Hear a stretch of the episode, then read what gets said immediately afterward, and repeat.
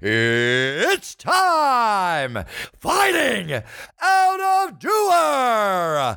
Presenting the reigning, defending, undisputed voice of MMA in Hungary, Joe Sakal!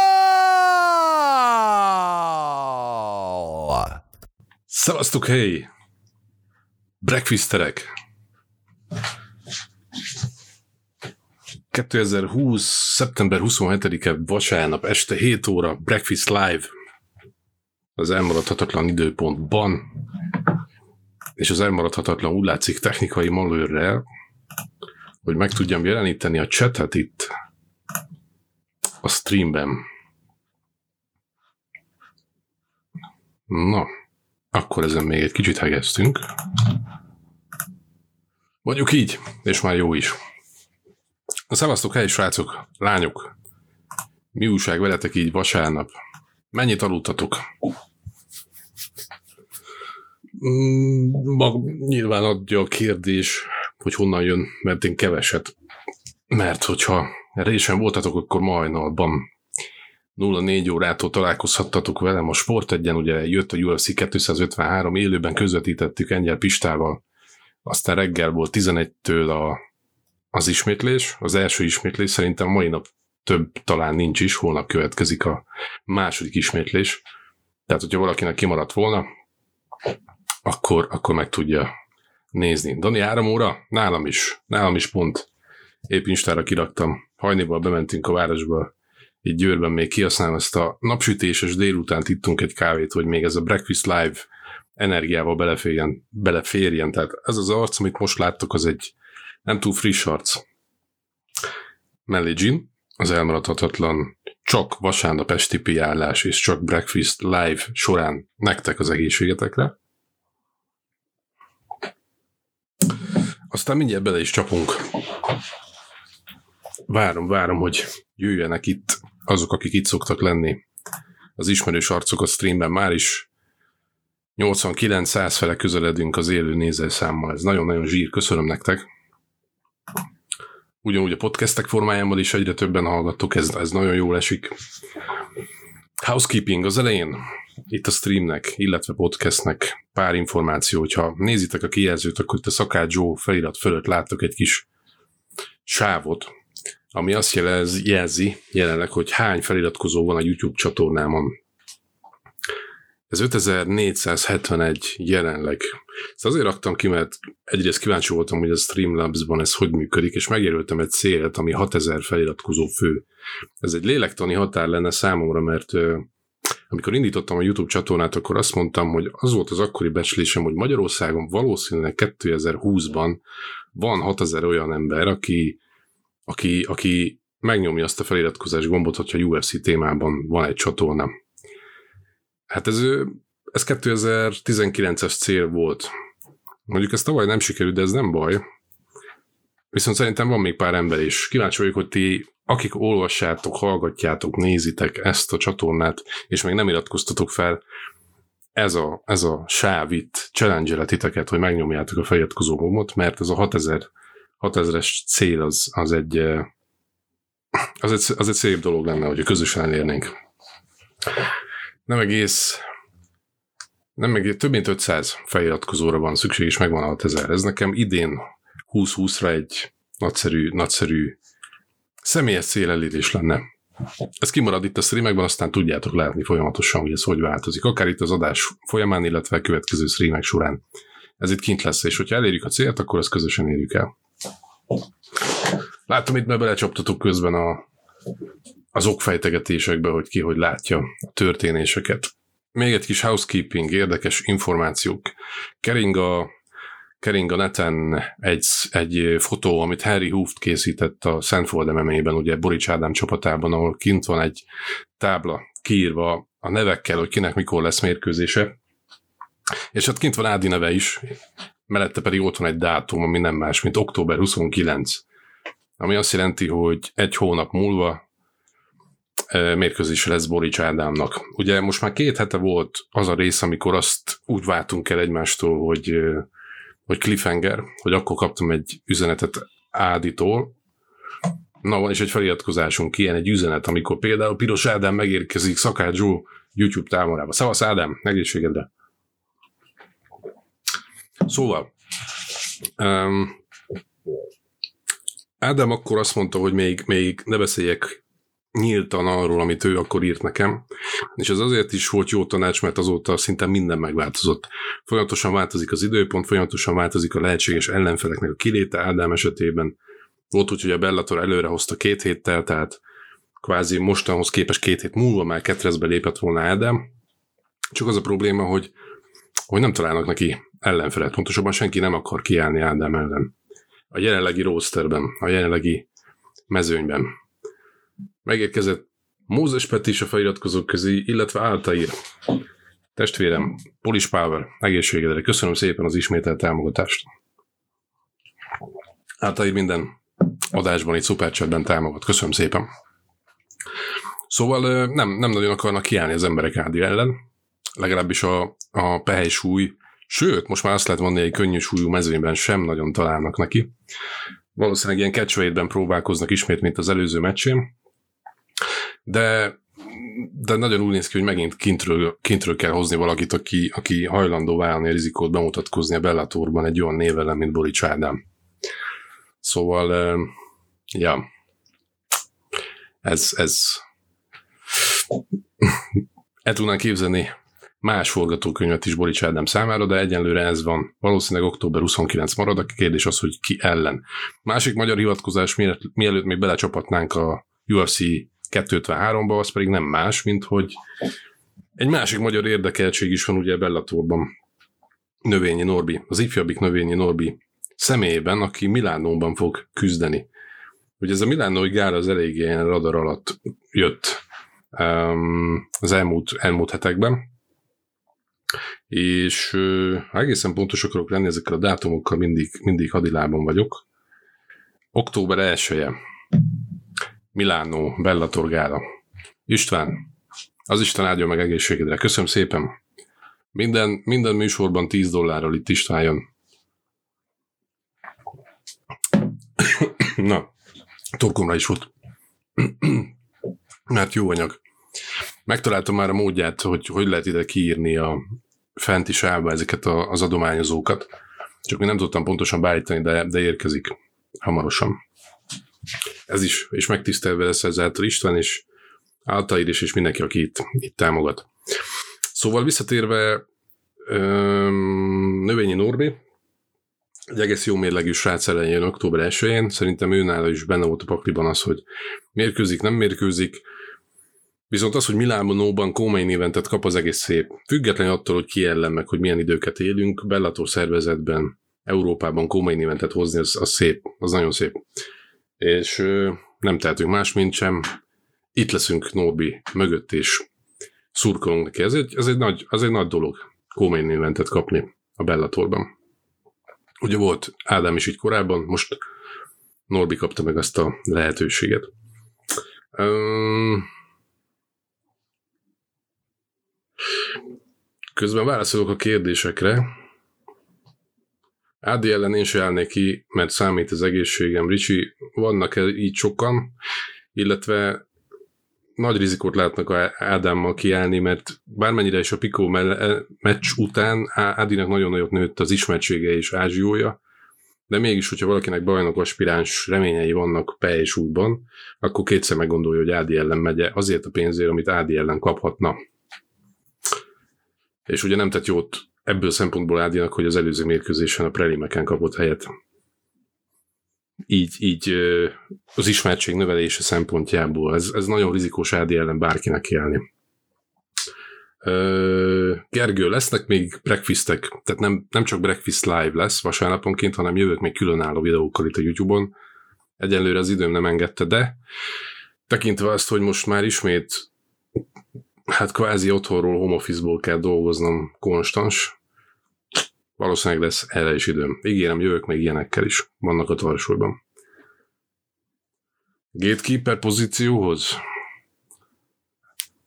vezete, sajtos Enders kérdés. Hát ő, nem mondanám, hogy még gatekeeper Ádám, illetve azt mondanám, hogy ez egy sajátos helyzet az, hogy Covid idején Ádám örül annak, ha egyáltalán van mérkőzés lehetősége, hogy aktív tudjon maradni. Ugye az előző mesre azért volt szüksége, hogy a vereségét felettetni tudja, hogy lerázza magáról azt hogy ne ivódjon belé ez, a, ez az emlék. De hogyha már a következő mérkőzése is egy kinti, mondjuk egy LFLA, vagy titan srác ellen lesz, akit behoznak egy másik szervezettől, és kvázi ismeretlenként kell ellene helyt állni Ádámnak, az úgy, az, úgy, az úgy kezd necces lenne, hogy ebből sor minta lesz. Igen, van ennek rizikója. Nem hinném, hogy gatekeeper lesz, mert még nincs, nincs ott a pályafutása során, de van ilyen rizikó benne. Hmm. Hát a UFC-be, ezt már mondtam korábban is, Zoli, hogy azért nem megy át Ádi, mert egyrészt jó srác és hű a szervezetéhez, akivel szerződésre van, másrészt az a, az a pénz, amit ő most a szervezet a Bellatortól kap, az, az lényegesen magasabb, mint sem újonnan bemutatkozva a UFC-ben um, mérkőzéseket vállalni, és ennek elsősorban az a lényege Bolics részéről nem csak a pénz, hanem már megvan neki az a, az a ranking, az a tapasztalat és ismertség a szervezetnél, hogy ezt a nehéz időszakot átvészeld esetlegesen ezekkel a kevésbé ismert ellenfelekkel, utána öm, könnyebben tud bajnoki címhez jutni a Bellatornál, és egy célját ezzel elérni, mint sem a, mint sem a UFC-ben kisebb pénzért elkezdene építkezni és ismét egy olyan útnak az elején találni magát, amit, amit valahol már félig bejárt a Bellatorban. Nyilván lehetőségek kérdése, hogyha ez túl sokáig húzódik a Bellatorban, akkor lehetséges, hogy Ádám is úgy gondolja, hogy érdemes átlépni majd a másik szervezethez.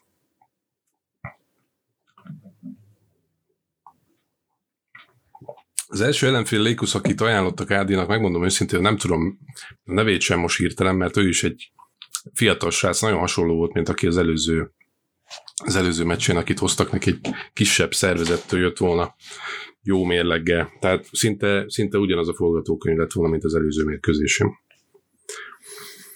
No, housekeeping, UFC 253 is kérdeztétek már, hogy Lajos Klein, vagy Klein Lajoshoz mit szólok. Um, ugye az előző hét, heti streamben is mondtam már, hogy én borzasztóan örülök annak, hogy ez a szlovákiai srác lehetőséget kapott a UFC-ben, ráadásul késői beugró volt. Függetlenül attól, hogy a prelimeken kapott helyet, Shane Young a City Kickboxing csapatából érkezve, Adesanya csapattársa együtt edz Dan Hookerrel, Adesanyával, Volkanovskival, vagy mondjuk Kajkara Franszal, aki szintén helyet kapott ezen a kárdon. Um, Orosz János, megszakítva a gondolatmenetemet, ha menned kell dolgozni, és így is támogatsz itt 10 fonttal, az Isten áldjon meg egészségedre. Nézd vissza majd az epizódot, itt meg tudod nézni. Köszönöm szépen a támogatást. Szóval ilyen nevek mellett edződik, vagy fejlődik Shane Young, ha, ha jól ejtem, vagy jól emlékszem a nevére ennek a srácnak, megmondom őszintén, nagyon nem követtem eddig a pályafutását. Tehát nagyon masszív csapatháttérrel rendelkező ember ellen kellett Klein Lajosnak kvázi másfél hetes beugróként bizonyítani a UFC-ben. Én Lajos, Lajost ismerem az elmúlt, elmúlt évekből, már csak azért is, mert én követem a szlovák MMA-t, azért is, mert Szlovákiából származom, nagyon sok szlovákiai ismerősöm, barátom van, Buhinger Iván vagy Végatilla, őket személyesen ismerem a pályafutásuk elejétől kezdve Hát még annak idején a Total Damage induló Total Damage-ként média támogatást is nyújtottam nekik, akkor, amikor még ők nem azok voltak, akik manapság, tehát szuper, szup, ténylegesen szupersztárok Szlovákiában. És hát Végatillának a, a Nagyszombati csapatában már pár év ezelőtt felbukkant ez a Klein Lajos, és már akkor mindenki azt mondta, hogy ezzel a sráccal számolni kell, mert nagyon nagy potenciál van benne. Úgyhogy ténylegesen bárki, aki edzésen közösen edzett vele, az nem csak szuperlatívuszokban beszélt róla, nagyon szép sikereket ért el az utóbbi időben az Oktagonban, ismeritek a északi szomszédaink szervezetét, és szerintem mindenki tisztában volt azzal, hogy ez a srác az, aki Szlovákiát megfelelően tudná képviselni. Tehát a, az Oktagon is látta azt, hogy ez az ember, akit el kell engednünk ebből a szervezetből, tehát nem lehetünk olyan önzőek, hogy csak itt regionálisan használjuk őt, hanem ténylegesen ő lett a kulcs ahhoz, hogy később azt, amit az Octagon felépített a Szlovákiában, azt a piacot jobban ki tudják aknázni azáltal, hogy a UFC-t idehozzák gálát szervezni. Akár Pozsonyba, akár egy ismételt prágai gála, vagy akár egy bécsi gála, ez mind Szlovákia vonzás körzete, vagy akár Varsó. Kleinre lehet építeni, és ez a srác maximálisan bizonyította és hozta ezt a hajnali gálán. Nem tudom, követtétek el, prelémek között az első menetben TKO-val nyert. Tehát ez a szlovák MMA egyik legnagyobb sikere. Még úgy is, hogy Vég Attila szinte saját magát promózta végig ezen a hétvégén, mert ő kísérte el. Én szeretem Attilát, tényleg mindent tiszteltem az ővé, de itt egy kicsit túltolt ezt a dolgot, egy kicsit úgy tűnt, mint hogyha róla szólna ez a dolog, és nem Klein Lajosról. Hát az interjúkat is ő, út, ő ült ott tolmácsként, és kihegyezte arra, hogy ő, amikor Bellatorban bajnok volt, meg ő itt a, a szlovák MMA egyik legismertebb arca, ami így is van, csak ez az este, vagy ez a hajnal Lajosról szólt, és Lajos oda tette magát. Egyetlen szépség hibája van a dolognak, hogy hogy, hogy nem tudott cím, vagy nem tudott súlyt hozni Lajos, ezt tekintsük be a másfél hét beúró szerepnek, az a négy font azért sok súlyban, annyi, hogy kevesebb pénzt kap, de valószínűleg Adesanya mérkőzése után, amikor, amikor nem tudom, hallgattátok-e a, vagy hát a Pistától hallottátok -e egyáltalán a, a mérkőzés utáni szöveget, vagy az interjút vele, akkor Dana White-nak az volt az a többek között az, amit, amit kifogásolt a Desanya, hogy, hogy páran súlyt évesztettek a mérlegelésen a UFC 253-on. Szerintem Klein Lajosra gondolt, mert ugye a csapattársa Young ellen ment, és 4-5 fonttal mérve többen Lajos, és Adesanya azt kérte, hogy változtassák meg azt a szabályrendszert a UFC-ben, hogyha valaki súlyt téveszt a mérlegelésen, akkor ne csak 20-30%-ot vonjanak rá fizetéséből, és adják át az ellenfélnek, hanem akár 80-90%-ot. Mert szerinte ez nem, nem sportszerű, hogy csak si, simán az, újon, az újak, akik érkeznek a UFC-be, hajlandók bebukni azt a 30-40%-ot, hogyha megvan az előnyük, hogy győzzenek, és ezáltal ott maradjanak, bent tudjanak maradni a UFC-ben. Ami, ami valahol értető logika is, és el is fogadható. Szóval én szívből örülök Lajosnak a, Lajosnak a sikerének, és én hiszem azt, hogy, hogy újban, újban szép, szép eredményeket tud hozni. Polish Power, folytassuk ezzel. Ján Novák.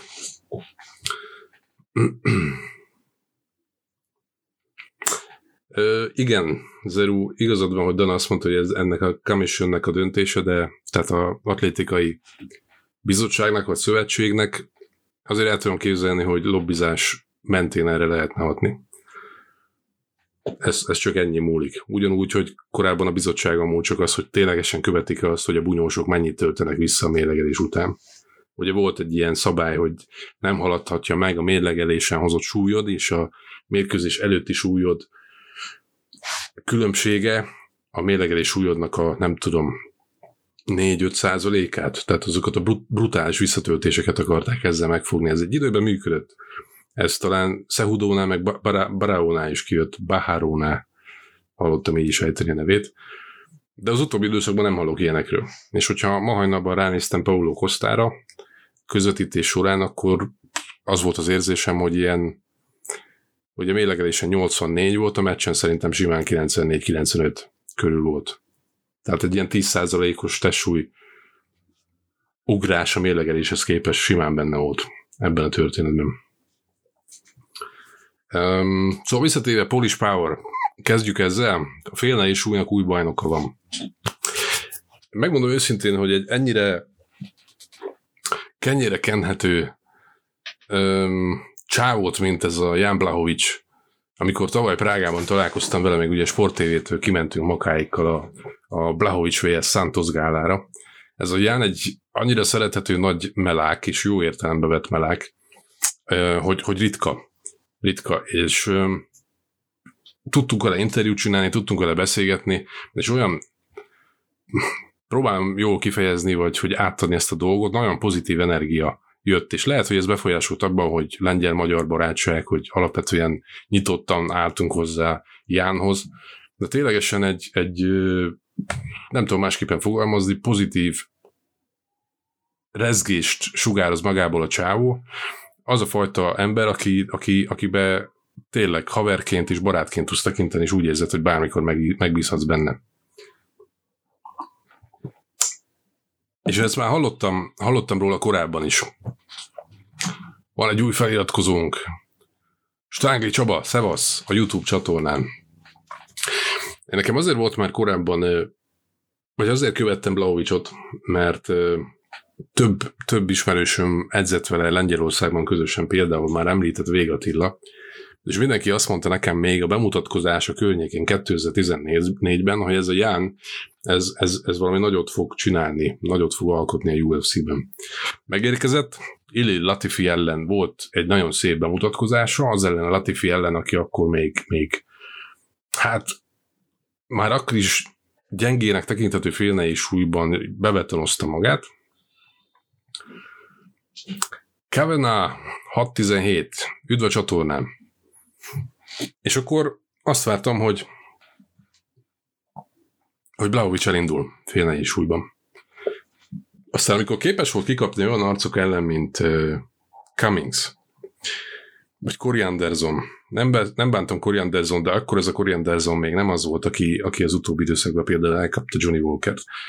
Akkor, akkor egy picit ki, elgondolkodtam azon, főleg, főleg a Gustafsson elleni meccse Blaovicsnak az bántóan egyhangú volt. Tehát földön állítólag sérült is volt Ján azon a meccsen, mindegy, de bántóan egy, egy, egy oldalon megvert őt Gustafsson, és akkor, akkor elkezdtem gondolkodni, meg utána kérdezgetni, hogy, hogy mi van itt, mi, mi van ezzel a Blahovics gyerekkel. Wasserpariba, szevasz! Nem, nem hivatalos infok szerint ilyen backstage nekem sok visszajelzés jött azzal kapcsolatosan, hogy Blaovicsnak elsősorban ö, ö, meg kellett tanulnia azt, hogy a lengyel KSV hadszintér után, ahol valljuk be, nem nagyon nézik a, a doppingszereknek a használatát, mikor megérkezett a UFC-be, elsősorban az volt a nehéz, hogy átálljon arra, hogy, hogy milyen cuccokat lehet használni, mi az, amit nem mutatnak ki.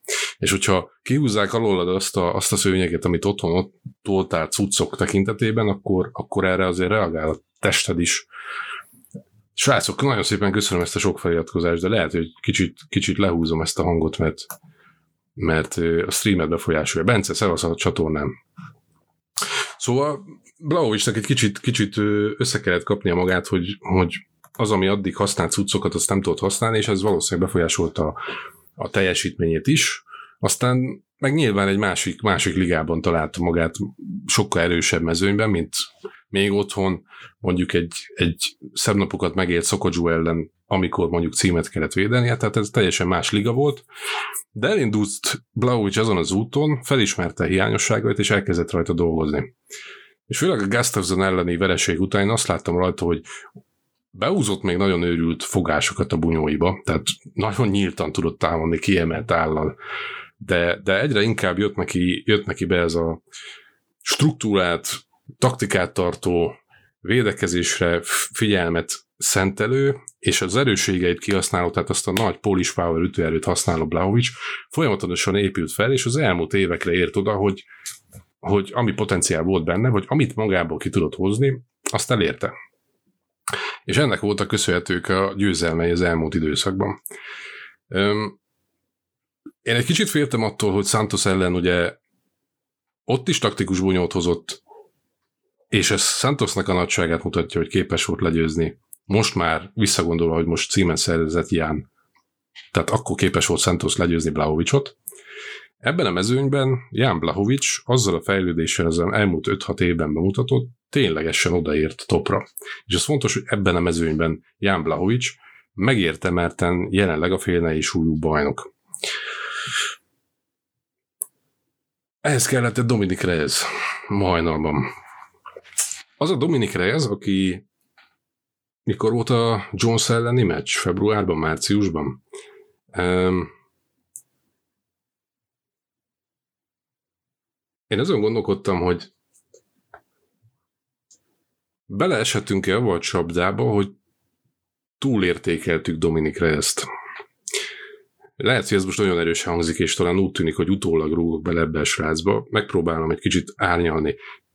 Nagyon-nagyon jó tehetségei vannak, de az, a, az az érzésem van időről időre, hogy olyan arcok után, mint Johnny Walker, Um, ki volt még ilyen, aki, aki, aki félne és újban ilyen szép, szép ívet futott be.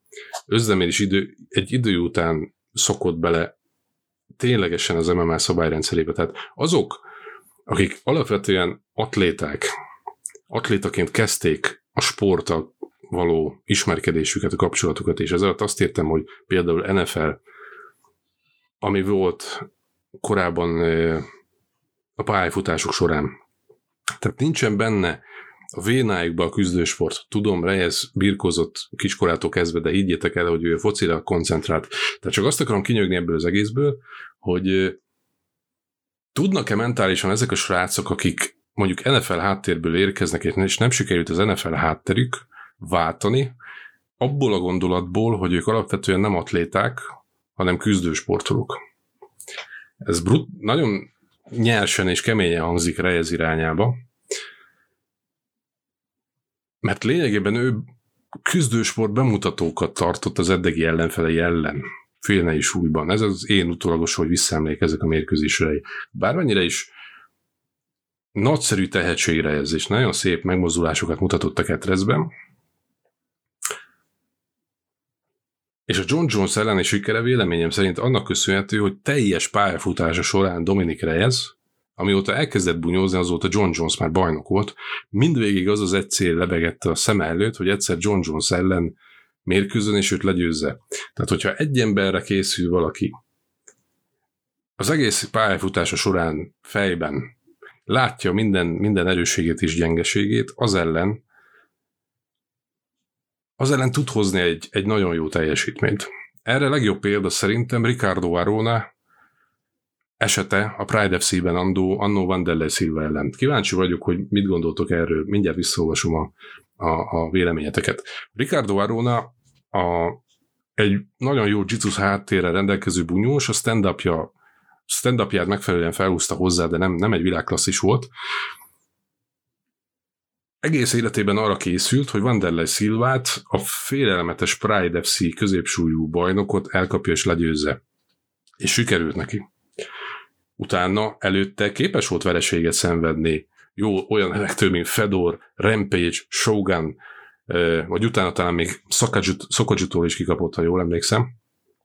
De akkor a pályafutása során arra az egy emberre fókuszálva képes volt elérni a lehetetlent, az akkori lehetetlent, legyőzni Vanderlei Szilvát.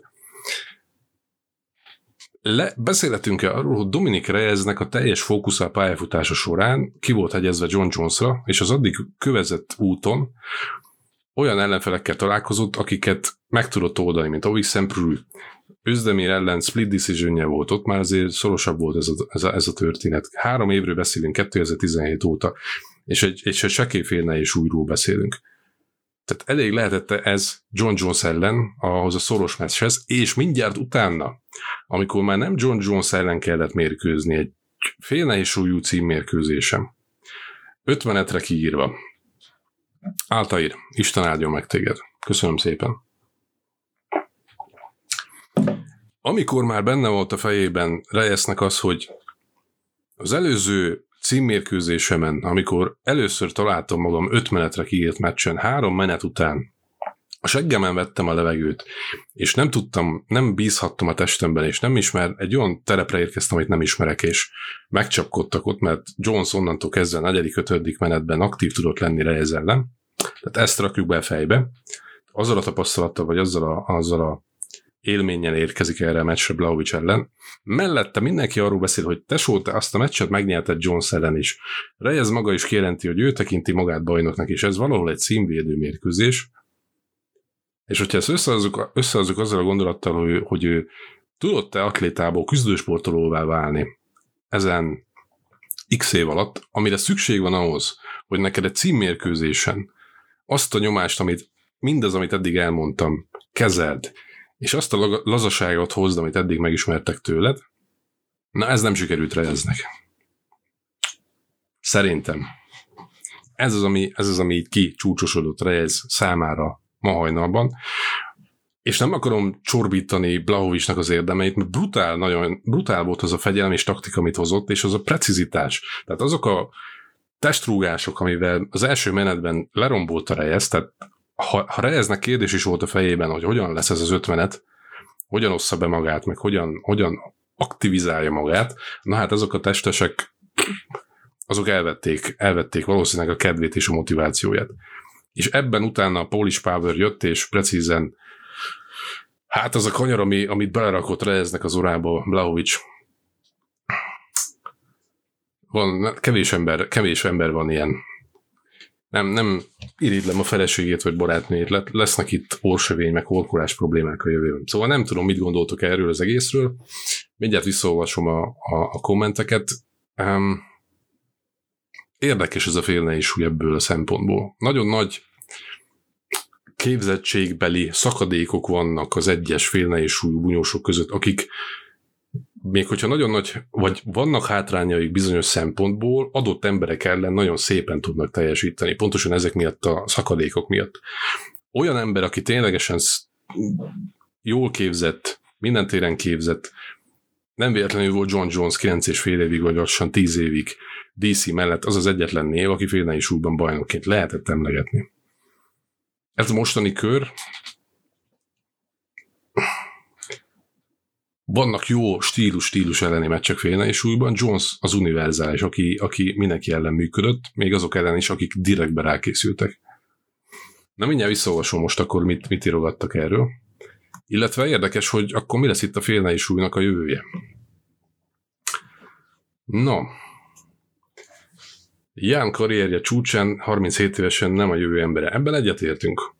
Nem fog 10 évig dominálni félnei súlyban, szerintem van benne egy-két jó meccs.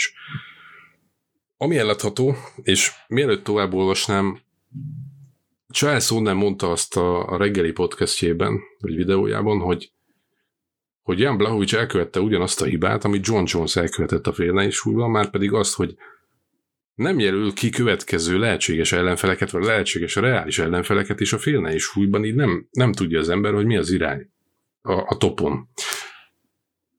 Némileg tudok ezzel egyetérteni Charles Sonnennel. Tehát Sonnennek az a baja, baja jelenleg, hogy Jan Blahovics a hajnali mérkőzése után John Jones hívta ki következő címvédése céljából. Azt a John Jones-t, aki most hatta hátra félne és úgy övét, mert azt mondta, hogy neki félne és útban jelenleg nincs kihívása, több pénzre vágyik. Most mitől gondolná meg John Jones magát a reggel látottak alapján, hogy visszatérjen? Mert nem akkora név Blahovics, hogy megérné neki visszatérni félre és újban nem kapna annyi pénzt ellene, mert nem tudnának egy pay-per-view gálát rárakni egy John Sayers Blahovics párosításra. Hiába jelenleg Blahovics a bajnok. Értem én Blahovicsot, hogy ahhoz, hogy ő ténylegesen bajnoknak tekintesse magát büszkeség szempontjából, hogyha lehet így fogalmazni, ahhoz neki azt az ember kéne legyőzni, aki, akit ő nem elvette a címet, hanem aki, aki, csak, aki csak maga mögött hagyta ezt a címet. Tehát ez a motiváció érthető Blahovics részéről, csak ez nem fog működni. Nem fog Jones miatta visszajönni félne és újba, és akkor ott áll, hogy akkor most mi a folytatás. Most akkor Twitteren kezd el, kezdenek el kihívogatni ellenfeleket. Nem ágyaznak meg a jövőt illetően Jones ez volt a legnagyobb gondja a pályafutása során, és most Blahovics is ebbe a hibába lépett Sonnen szerint, ami valahol érthető. Kit kellett volna Blahovicsnak kihívnia, hogyha nem jones törődik? Hát egyértelműen Tiago santos -t. Ugyanis Tiago Santos ellen van az utolsó veresége Jan Blahovicsnak. És nem kell neki azzal törődnie, hogy, hogy Santosnak van most egy meccse Texeire ellen, hanem elkezd építeni a hype egy olyan visszavágóra, ami még mindig nehezen eladható sajnos, mert nem olyan nagy nevek ők félne súlyban, de legalább, legalább van egy, egy bázisa. Vagy ott van Anthony Rumble Johnson. A kérdés az, hogy UFC adna neki nyomban címmérkőzés, mikor visszatér. De képzeljétek el egy Rumble vs. Blahovic címmérkőzés most mondjuk decemberben. Igazi tűzijáték lenne. Nem, nem, nem, nem lenne már is eladható ez a dolog? Ettől függetlenül örülök annak, ami most félne is újban történik, mert hogyha Rumble visszatér, bárki ellen is tér vissza. Szerintem mondjuk pont Reyes, aki most vereséget szenvedett, Rumble ellene visszatérhetne. Aztán ott lenne egy Jizsi Prohácka vs. Alexander Rakic, meg ott van most egy Santos vs. Texeira, aki a legjobb teljesítményt hozza ebből a három párosításból, megvan a következő kihívó Blahovicsnak. Ha nincs Jones. Már pedig szerintem nem lesz Jones. Mit szóltok ez? Kit látnátok szívesen Blaovics ellen? Legközelebb.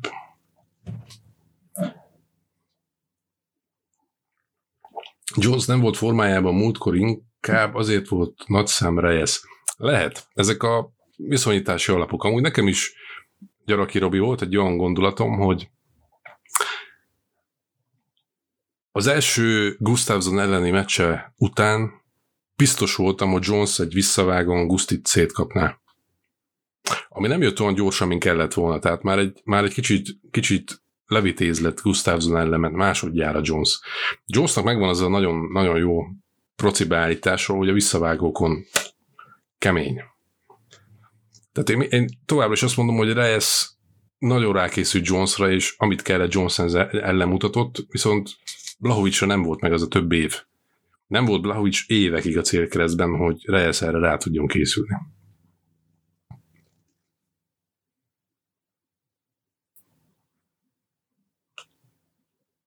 No. Reyes túlságosan elégedett volt magával, némiképp joggal. A Jones elleni meccs után igen, lényeg is, lényegében legyőzte a, a, a királyt, mondhatjuk ezt. Viszont pont egyetlen meccset kellett volna megnyernie Reyesnek ahhoz,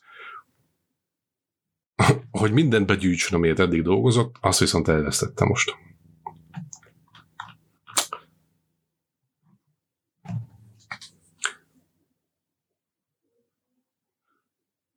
Joe, szerinted Adesanya félne és súlyban csak Jones ribája esetén jönne fel, vagy, vagy ilyen ellen menne? Hát kiinduló abból, hogy Adesanya megreggelizve, megreggelizve azzal a Batman filmből lopott bénes maszkal is, ami szerintem simán van fél kiló. Jó, túlzok, de mindenképpen van súly annak a maszknak, amiben itt a hétvégén voltak a srácok. Tehát reggeli után bénmaszkal a mérlegen 184 fonttal mért be Costa ellen.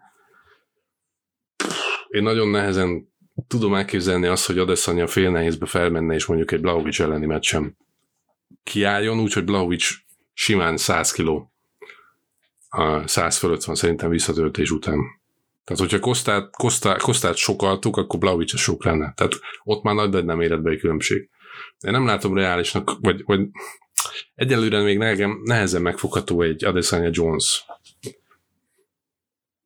Mondjuk Dana White bedobta azt, hogy nem mondta még senki azt, hogy John Jones nehéz súlyban fog mérkőzni. A nehéz súlyban indul el.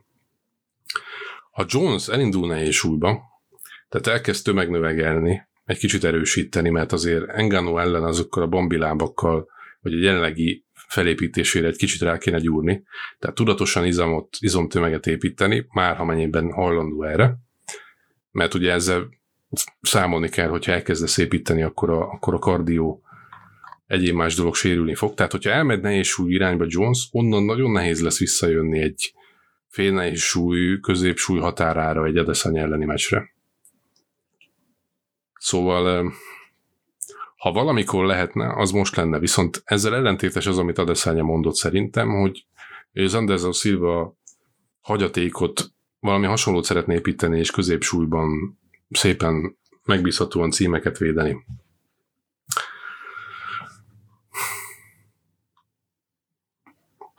Rakics mehetne Ján ellen. Az is egy Hát Rakisnak szerintem még egy meccs kell, azért, hogy az előző mérkőzés, hogy ez, ahol kikapott splittel, még hogyha meg is nyerte szerintem papíron. Valószínűleg a, valószínűleg a Texeire Santos győztese fogja megkapni. Blaovic, Blaovicot, igen, Lékus. Szerintem az lesz a forgatókönyv.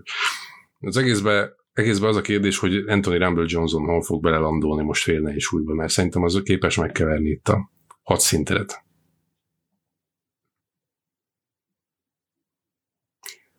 Mm. Kosta félne és súly. Hát, Bence,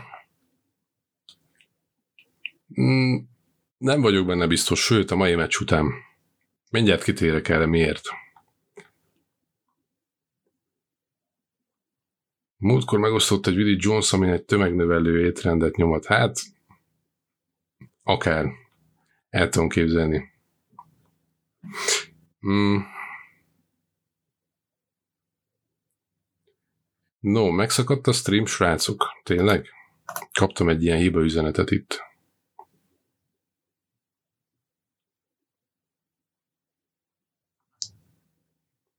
Hop, hop, hop, hop, hop, hop.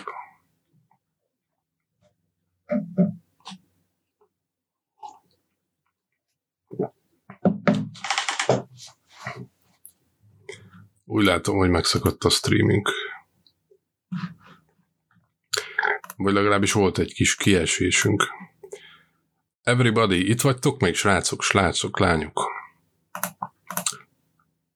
Azt írtak itt a System, hogy megszakadt a stream, és megpróbálja újra felépíteni a kapcsolatot. Nem örülnék neki, hogyha... Oké, okay, Ricsi, köszi szépen. Volt egy kis hálózat kiesés. Jó. Mm, no.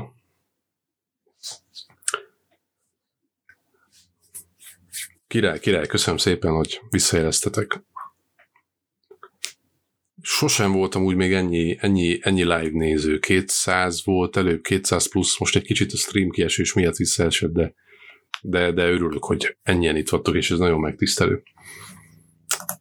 Visszatérve akkor, hol hagytam abban? Annyi mindent akartam nektek mondani, és nem fog beleférni ebbe ez egy órába. Lehet, hogy kicsit, kicsit túltalom. Hmm. 200 az új 50? Szevasz, Csabi. Most srácok, szétestem egy kicsit itt. Mindjárt összeszedem a gondolatokat. um, Váltsuk szerintem a félnájés súlyú témát így, így körbejártuk. Én amúgy még egyszer nagyon-nagyon örülök Plauvis győzelmének, mert Ténylegesen egy régi motorosról van szó, ki még 2008-ban mondtam a közvetítés során is, hogy már akkor a KSV-ben tornát nyert. És akkor kiment San Diego-ba, hogy, hogy amerikai edző, bocsi, amerikai edzőtábor, fejlődés, hát a könnyebben bejut a UFC-be, vagy amerikai gálákra, és utána fossá szakadt neki a térde. Szinte minden, minden szalagja szétszakadt neki, majdnem úgy volt, hogy be kell fejezni a pályafutását, ott kimaradt neki másfél-két év, hazajött Amerikából, nem sikerült neki ismét a KSV-ben kezdett el bunyózni, és onnan, onnan visszajött egyszer már Blahovics, és utána, amikor bemutatkozott a UFC-be, és jöttek a vereségek, abból is felállt, és felhozta magát egy olyan stabil bázis, amit most láttunk tőle, le a kalappal. Nem fog ő évekig itt bajnok lenni, de ez, ez egy nagyon-nagyon szép megkoronázása a pályafutásának.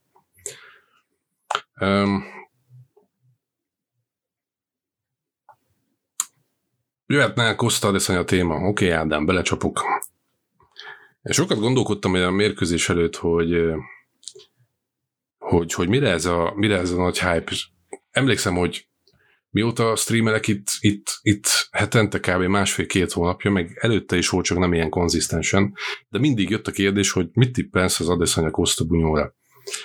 És megértettem, hogy hype van e körül, és megértettem, hogy az elsősorban annak volt köszönhető, hogy Adesanya és Costa ezt tudatosan építették az elmúlt években, mert ott voltak a korábbi mérkőzéseiken a másiknak, elsősorban ugye Costa, amikor Vitaker ellen címet szerzett, tehát ezt nagyon szépen építették, csak nekem ez a Costa gyerek nem volt meg valahogy, hogy, hogy miért szeretjük őt mi most ennyire.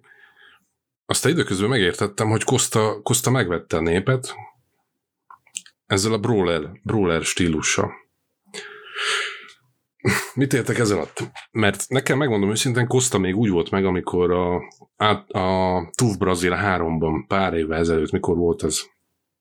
Négy éve, öt éve, amikor Sonnen és Vanderlei voltak ugye csapatkapitányok, az nagyon nagy szám volt akkor, hogy Brazíliába Sonnen lement, és, és a brazil közellenség tábor el, előtt annak ellenére vállalt egy, egy csapatkapitányságot. Na mindegy, akkor a második középsúlyúként Van der Ley második választása volt, ott, ott láthattuk uh, Kosztát először, mondták, hogy ő feketőves zsicus, itt most annak ellenére, hogy én Carson Gracie zsicus vagyok, és sokan valószínűleg megkövet, megköveznek ezért, de néha én azért felvonom a szemöldökömet, amikor azt hallom, hogy valaki feketőves bizonyos klubokban, mert tudom, hogy nem kell olyan nehéz utat végigjárni ahhoz, hogy megkapja ezt az övet, és voltak olyan hírek, hogy Koszta esetében lehet, hogy valami hasonló történt. Nem akarok, ez, ez feltételezés, és most ezt engedjük el. Feketőves Jitsus csávó, aki ennek ellenére az Ultimate Fighterben azt írja be lapjára, hogy bodybuilder, és meg akar tanulni, hogy edzőtábornak tekinti az Ultimate Fighter-t, hogy megtanuljon bunyolni, bunyózni. És az első két meccsén látjuk is, hogy a Jitsu háttére támaszkodik, és kb. egy-két menet után a seggén veszi a levegőt, és kiesik az Ultimate Fighterből, és azt mondjuk rá, hogy ez egy futottak még kategória. Aztán visszatér, vagy, vagy, vagy láthatjuk ismét a UFC-ben, megsüvegelendő az, amit felfedezett magában, hogy azt a sok évnyi munkát, amit, amit mondjuk stand-up bunyóval kellett volna tölteni, nem tudja behozni, viszont ha már bodybuilder, és megvan a fizikai ereje, akkor legyen belőle egy brawler, tehát az a, az a piszkos bunyós, aki bejön, és rombol, tehát egy csontörő. Most ne asszociáljátok a magyar, magyar becenévre. Tehát azt megtanulta Paulo Costa, hogy hogy kell a szögeket lezárni, hogy kell megtörni a testet, hogy utána a fejet tudja támadni, hogy tudja irányítani az ellenfeleit azokkal a brutál kikekkel, tehát amikor testre rúgkossza, abba azzal a lábbal rúg, amely irányba próbálja terelni az ellenfelét, hogy utána jöjjön a romboló húkkal, tehát a horoggal, vagy testre, vagy fejre. Ez a formula nagyon jól működött, és nagyon jól kitalálták Kosztánál, amit nagyon jól betanult. Mondanám, hogy egy dimenziós bunyós, ahol igazam lesz, mert a középsúlyban, akik ellen ment, és aki ellen működött ez Kosztának, azért azok olyan bunyósok voltak, akik, akik nem a mély víz középsúlyban. Tehát, ha Hendrix ellen, aki korábban tudom váltósúly bajnok volt, de kb. a US mióta megérkezett, összefosta magát, és az, amit mutatott, azt követően az kvázi értékelhetetlen volt. Ott van egy Uriah Hall, aki, már, aki esetében már elgondolkodhatnánk, csak hol nem tud konzisztensen jó teljesítményt hozni, és már hol ellen is láthattuk azt, hogy Costa bajban van akkor, amikor csak simán zsebekkel is meg, megtalálják őt. A Bankbóze elleni meccset azt mondanám, hogy oké, okay. Szevasz Szilas a feliratkozók között, és, és nekem Romero volt a, a, a tűzkeresség, a mérés. Romero ellen azt tudtuk, vagy azt tanulhattuk meg Costa esetében, hogy keménytökű gyerek, nem fél az ütésektől, és az a csávó vállaltan, egysíkúan az az ember, aki hajlandó bekapni három ütést azért, hogy egyel landoljam. Nincs ezzel baj, mert láttuk ezt a, ezt a korábbi években, hogy vannak, vannak ilyen vannak ilyen stílusú emberek. Ha nagyon le akarom egyszerűsíteni és régebbre visszamenni, és nem akarok tiszteletlen lenni, George Foreman, nem akarom Kostát Foremanhez hasonlítani, de Foreman volt, aki azt mondta, Szevasz Tibi, a csatornán. Formán mondta azt, hogy én hajlandó vagyok bekapni pár ütést ahhoz, hogy bejöjjek és romboljak. Nem volt olyan virtuóz, mint mondjuk Ali, Mohamed Ali, vagy Sugar Lay, vagy mondjuk az elmúlt időszakban Mayweather. Teljesen másképp fogta fel a bunyót. És Bass Rutent hallgattam, vagy már az említett Charles hogy hol van még erre példa, amikor a nyers fizikai erővel, amikor egy olyan testfelépítésed van, mint Kosztának, aki fiatal korának is köszönhetően, hogy még bírja az ütéseket, és hajlandó benyelni a büntetést ahhoz, hogy bejöjjön és rombolni tudjon. Ezzel kompenzálva a technikai repertoár hiányát, hogy előkészítsen és, és szépen dolgozzon. Erre a legjobb példa, és tudom, hogy groteszkül fog hangzani, a korábbi években vagy évtizedekben az volt, amikor Bob Sepp képes volt kétszer legyőzni Ernesto Hustot. Azt az Ernestót, aki egy virtuóz volt K1-ben, a K1 szabályrendszerben. A cipőjét, a papucsát nem tudta volna megcsókolni Bob Sepp, de mégis képes volt Ernestót legyőzni. Tudom, sérült volt, bőrproblémái voltak Ernestónak, és pár napja még kiraktam az Instagramra, hogy négy vagy öt éve beszélgettem húztal erről, és azt mondta, hogy nem tud magyarázatot adni erre. Egyszerűen a lelkismeretével nem tud elszámolni Ernesto Húsz azóta, hogy kikapott Bob Szeptől. Ez a legjobb példája annak, hogy valaki minimális küzdősport technikai repertoárra, a nyers erőre, a brutalitásra, azzal, hogy belemászok valakinek az arcába, képes egy magasan kvalifikált ember ellen győzelmet aratni. És nagyon sokan arra számítottak, hogy Adesanya ellen ez fogja Costa csinálni. Már annak ellenére is, hogy Romero ellen kiderült, hogy Romero sem egy, virtuál, egy virtuóz állóbunyóban, de ellene is problémái voltak, és már Jurája hol ellen is problémái voltak Kosztának, de a fizikai előnyével meg tudta oldani. Romero ellen nem működött ez a fizikai előny, aminek az lett a eredménye, hogy szerintem azt a meccset elvesztette Costa pontozással. És ez maximálisan kijött most hajnalban. Tudom, hogy utólagosan nagyon okos vagyok, de Adesanya ellen ez már bazira nem volt elég. Az az egyetlen terv, hogy bejövök, megpróbálok bejönni, megpróbálom lezárni a szögeket. Sőt, Kosta ezt meg se próbáltam itt az előző meccsein, hanem azt a ügyes játékot kényszerítette rá, mentális játékot az Adesanyára, hogy ugyanúgy viselkedett, mint, mint Romero. Ha nem jövök, gyere, támadj te. Nem adom meg annak a lehetőséget, hogy kontráz, hanem támadj te, és majd én kontrázok. Vagy én. Ha itt vagy, elkezdek rombolni testre. Ezért rakta hátra a kezét Kosta. Azon nagyot rögtem úgy magamban. Destructor, szevasz a csatornán. Tehát próbálta basztatni Adeszanyát Kosta, ugyanolyan helyzetbe, ugy, ugyanolyan érzésvilágba akarta őt lehúzni Kosta, mint amit Adesanya Romero ellen tapasztalt. Tehát, hogy inaktivitással vádolja őt, hogy nem jön, nem támadsz, elfutsz, itt vagyok. Ha Romero ellen elköveted ezt a hibát, ellenem ne tedd meg.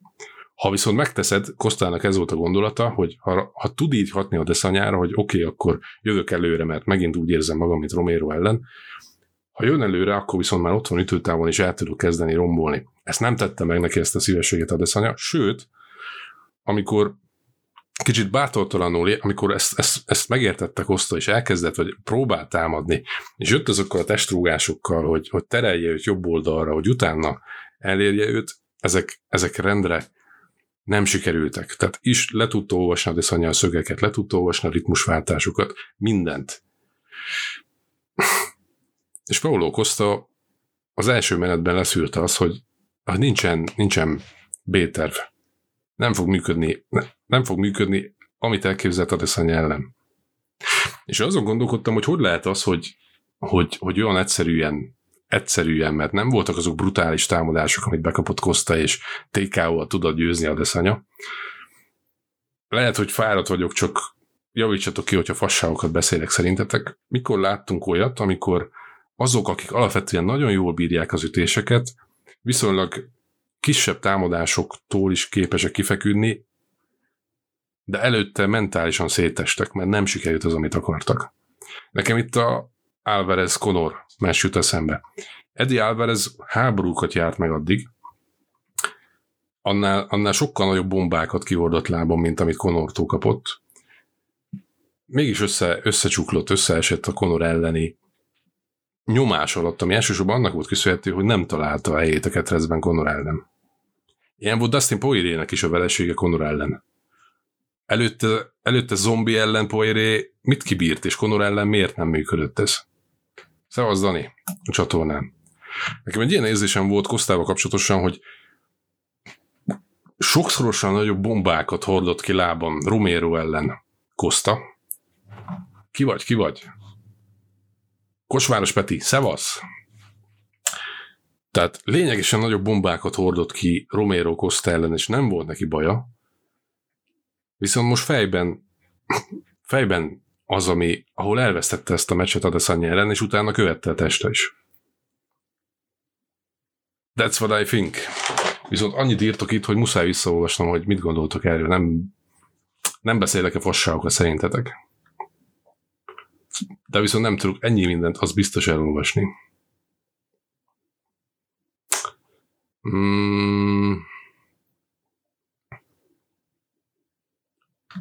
Srácok, ezt feladom. Annyi mindent írtatok, baszki, hogy nem tudom olvasni.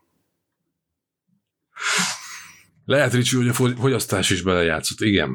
Tehát az, hogy 240 fontról fogyaszt 184-re, mert ide 4, ha jól tehát 84 kilóra, persze az sem jó. Viszont itt, itt visszakötve arra a kérdésetekre, hogy fel kéne menni félne és újba Kosztának. Az, ami Kosztánál működött, alapvetően a súlybeli fizikai előnyének a kihasználása, rombolásra, a kisebb ellenfeleivel szemben terelésre és megsemmisítése, az félnei súlyban hasonló felépítésű srácok ellen nem biztos, hogy működne.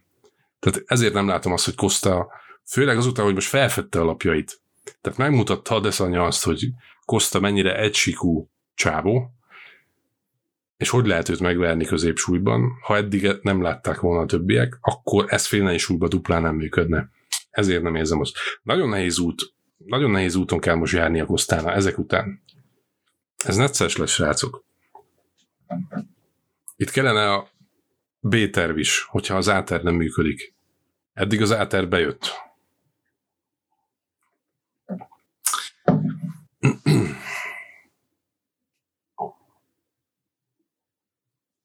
Ezt ugye most nem mondott komolyan Joe, az az ütés üt, aki, amit nem látsz jönni. Ezt nem biztos, hogy értettem. Akkor magyarázz meg, légy szíves, lehet. Nyitott vagyok arra, hogyha nem értetek egyet velem.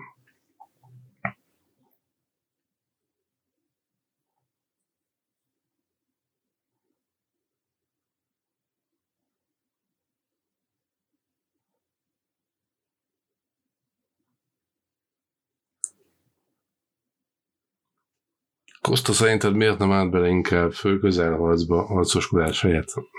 Azért, mert nem tudott. Adesanya nem adta meg neki a lehetőséget. Nem ment be ütőtábra. Amikor próbálta volna a szögeket hozni ellen, akkor Adesanya kimozgott.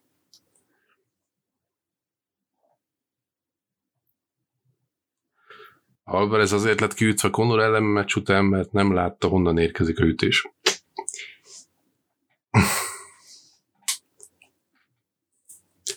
Ez egy aspektus.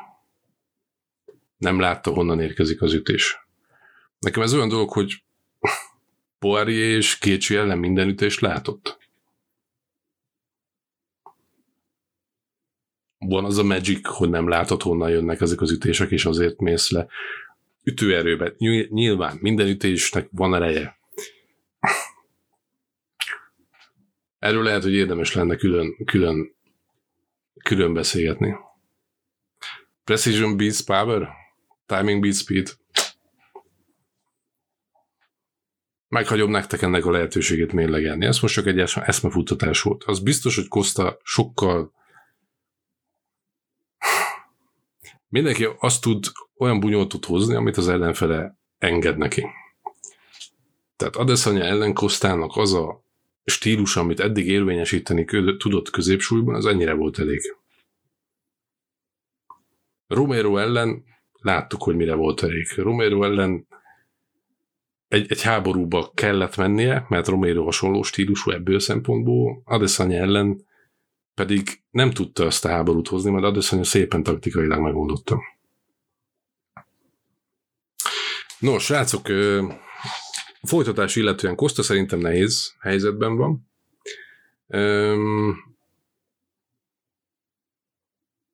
Adesanya esetében ugye elhangzott a mérkőzés utáni interjúban, hogy ő Kanoné számára szeretné megadni a lehetőséget arra, hogy legközelebb ellene védjen címet. Jared Cannonier esetében az ezzel a idézőjeles probléma, hogy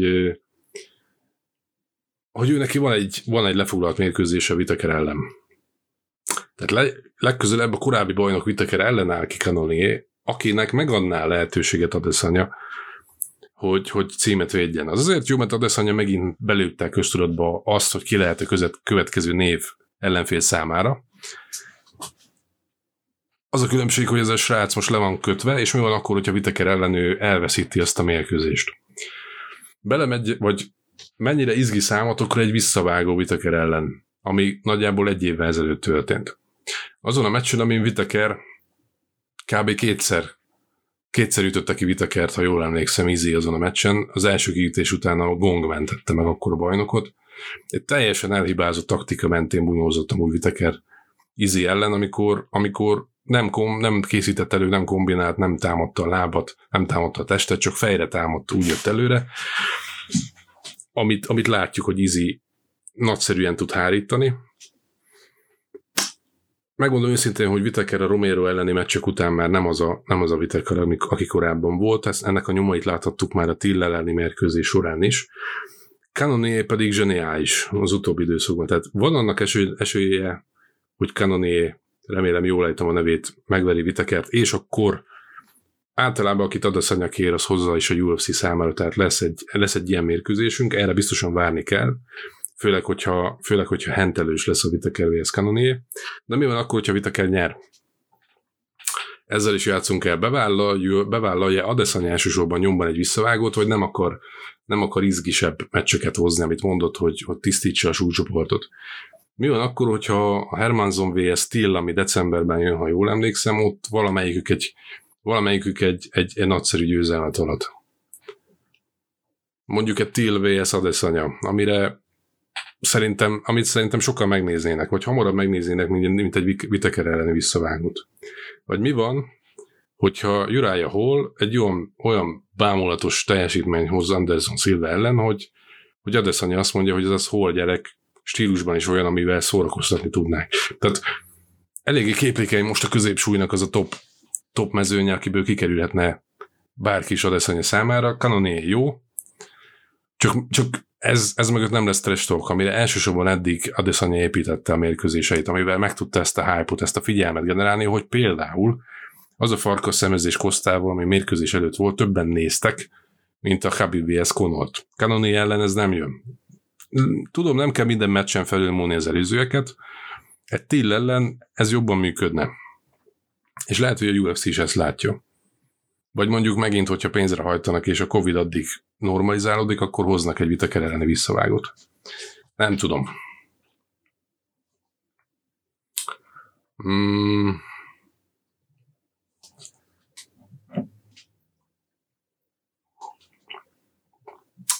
Szerintem Till előbb-utóbb oda kerül majd, hogyha, hogyha tudja hozni azt a, azt a azt, amit hozott Vitaker ellen. Nagyon sokat kellett fejlődni a Tillnek, és elsősorban fejben. Ez viszont, ez viszont látható volt. Érdekes, ahogy alakul. Még ott van ez a Joker is, ez a Hermanson is, aki, aki bármennyire is unalmas stílusa van, de csak el tudta tolni magát oda.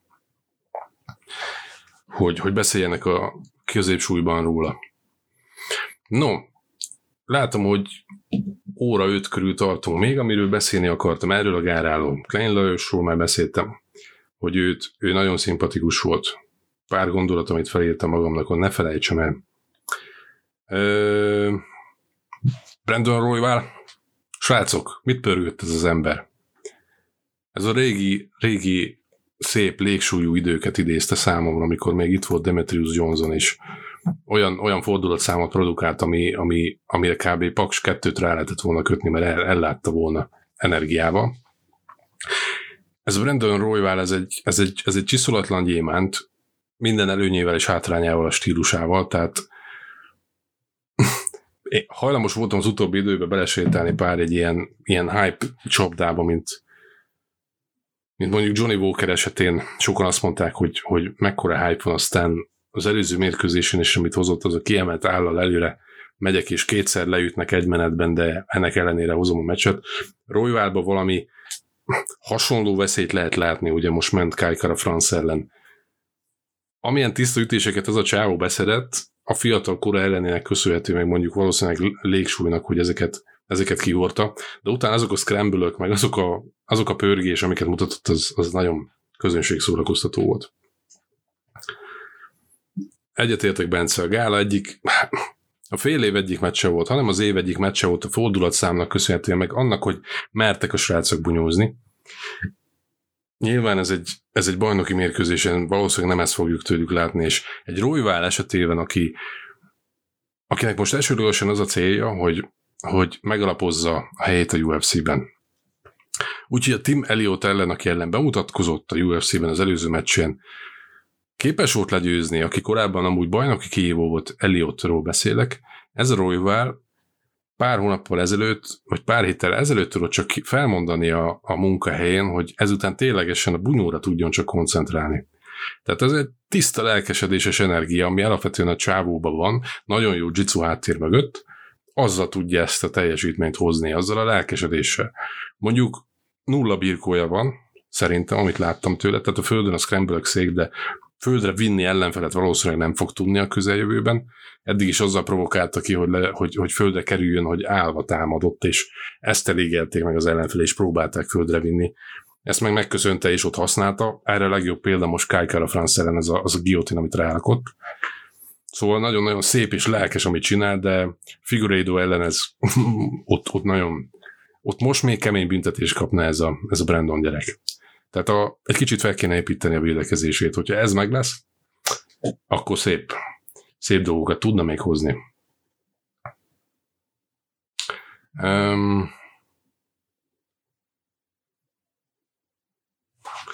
emellett még, amit kiemelnék, az hát Eubanks nekem mindig is egy egy tehetséges lány lesz az, aki, az, aki nem találja a helyét, hogy melyik súlycsoportban kéne bunyóznia.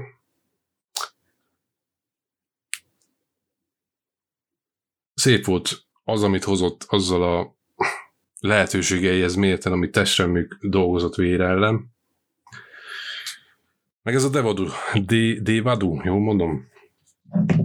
Ezekkel a nevekkel mindig adilában vagyok. Egy kicsit többet vártam ettől a csecsen gyerektől, Kabib spanyától kívánom, hogy,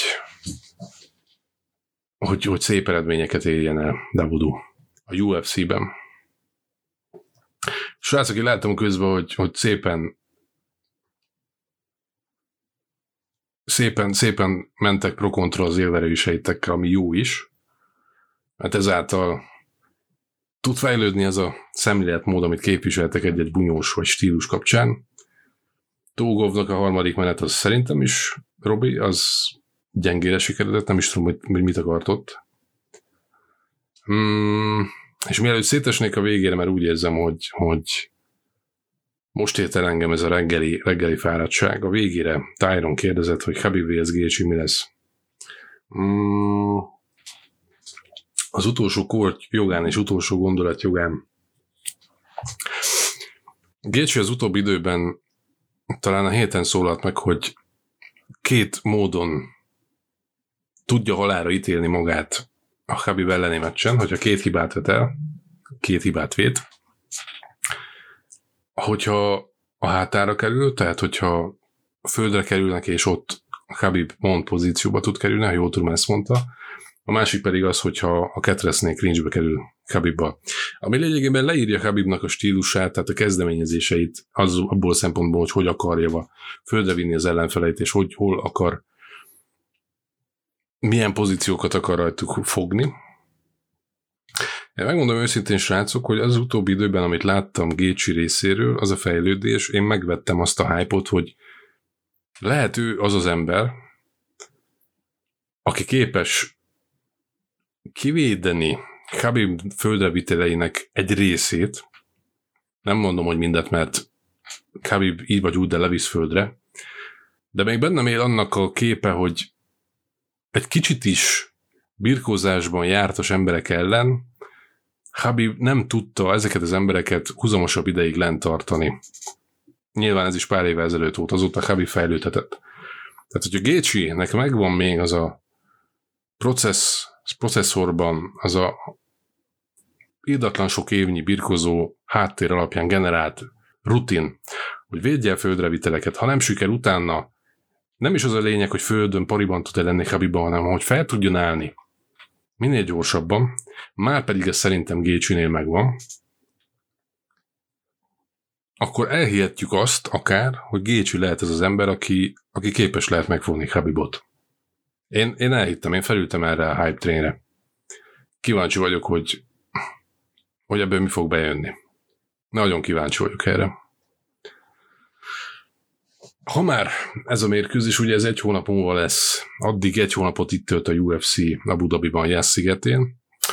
Ugye múltkori streamben dobtam fel annak a lehetőségét, hogy esetleg közösen nézhetnénk ezt a, ezt a gálát, mert ellentétben a ma hajnali UFC 253-ban ez a gála a következő hónapban európai időnek is kedvező idő pontban kerül megrendezésre. Szerintem ilyen este 10-11, akár éjfél kezdéssel indul majd az a gála.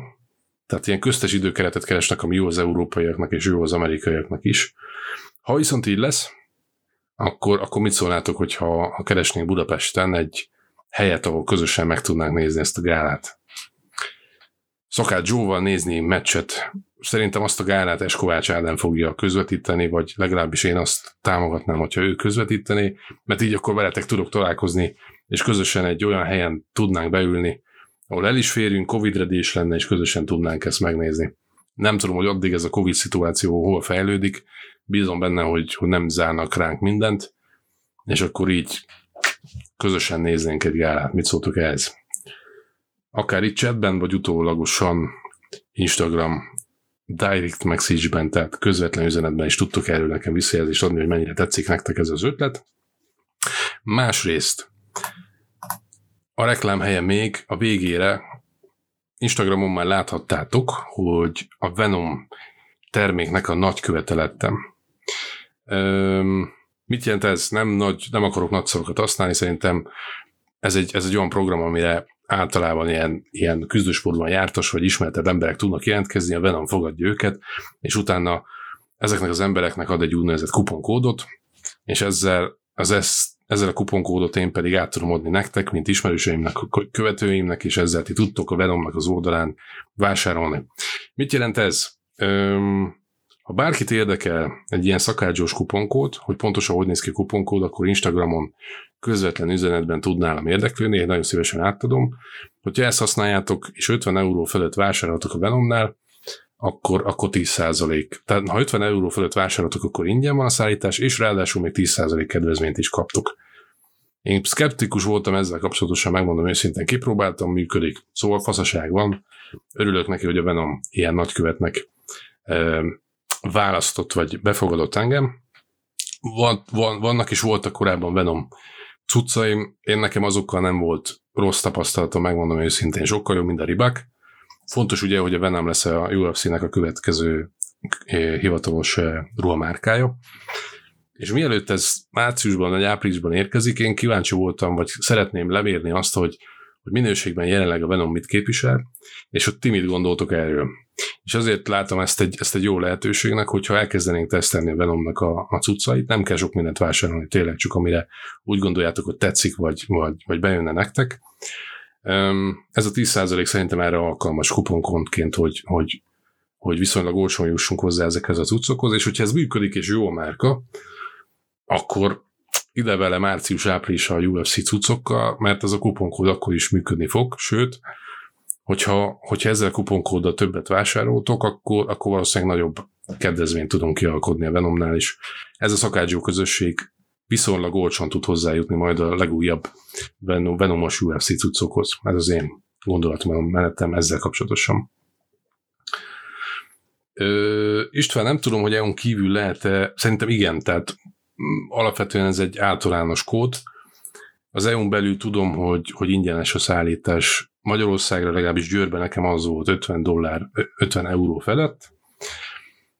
Biztos, ami biztos, próbáljátok ki ezt a kuponkódot, a vásárlás előtt kimutatja, vagy ki kalkulálja a költségeket, és így, így látjátok, hogy, hogy milyen helyzet. Beírom ide a chatben jelenleg jó a kuponkódot, ez nem annyira nem akartam publikussá tenni, szerintem nem is biztos, hogy visszaolvashatom majd később, de ha mégis akkor maximum tőlem. Ez a kuponkód, ezt tudjátok tesztelni. Az euro.venom.com oldalon, azt hiszem az, a, az az elérhetősége. No, ennyi lett volna csak a lényeg, hogy ezt az örömteli hit is megosszam, és hogyha érdekel titeket, akkor, akkor nyugodtan használjátok ezt a, ezt a kódot, mert szerintem mindannyiunk használ, hasznára válik. Um, és nagyjából ennyi lett volna, srácok, ez a hétvége. Bízom benne, hogy összeszedett, tudtam maradni, már így éreztem a végére a fáradtságot, szóri, hogyha egy kicsit csapongtam. Annak is örülök, hogy ellenérvekkel jöttetek itt a komment szekcióban, főleg itt az Alvarez Conor um, hasonlat kapcsán. TMT, köszönöm, hogy, hogy, hogy elmondtad a véleményedet, sőt, hogyha gondolod, akkor Instagramon közvetlen üzenetbe ezt kifejtetett bővebben, és hogyha itt nem tudtam volna mindent elolvasni, kíváncsi vagyok rá. Ugyanis az a lényeg, hogy beszélgessünk, és ne csak a saját gondolatmeneteinket érvényesítsük. No, hosszú volt ez a stream, de remélem hasznosnak tekintettétek, és köszönöm azt, hogy ott voltatok hajnalban is, a Sport 1 közvetítésen, sőt, itt voltatok este is. Ez nekem nagyon sokat jelent, hogy ez a közösség ilyen erős, és szerintem most generáltuk a legnagyobb nézőszámot ever ebben a streamben. Tartsátok meg jó, szokás, jó szokásotokat, hogy, hogy minden vasárnap hétkor itt vagytok a Breakfast Live-ban. Vigyázzatok egymásra, magatokra a jövő héten. Én azt tudom ígérni, hogy jövő hét vasárnap ugyanebben az időpontban találkozunk. Addig meg amellett, hogy vigyáztok egymásra és másokra, minden jóval. Áldjon meg titeket az élet. Szevasztok, hé, további szép vasárnap estét nektek még. Ciao.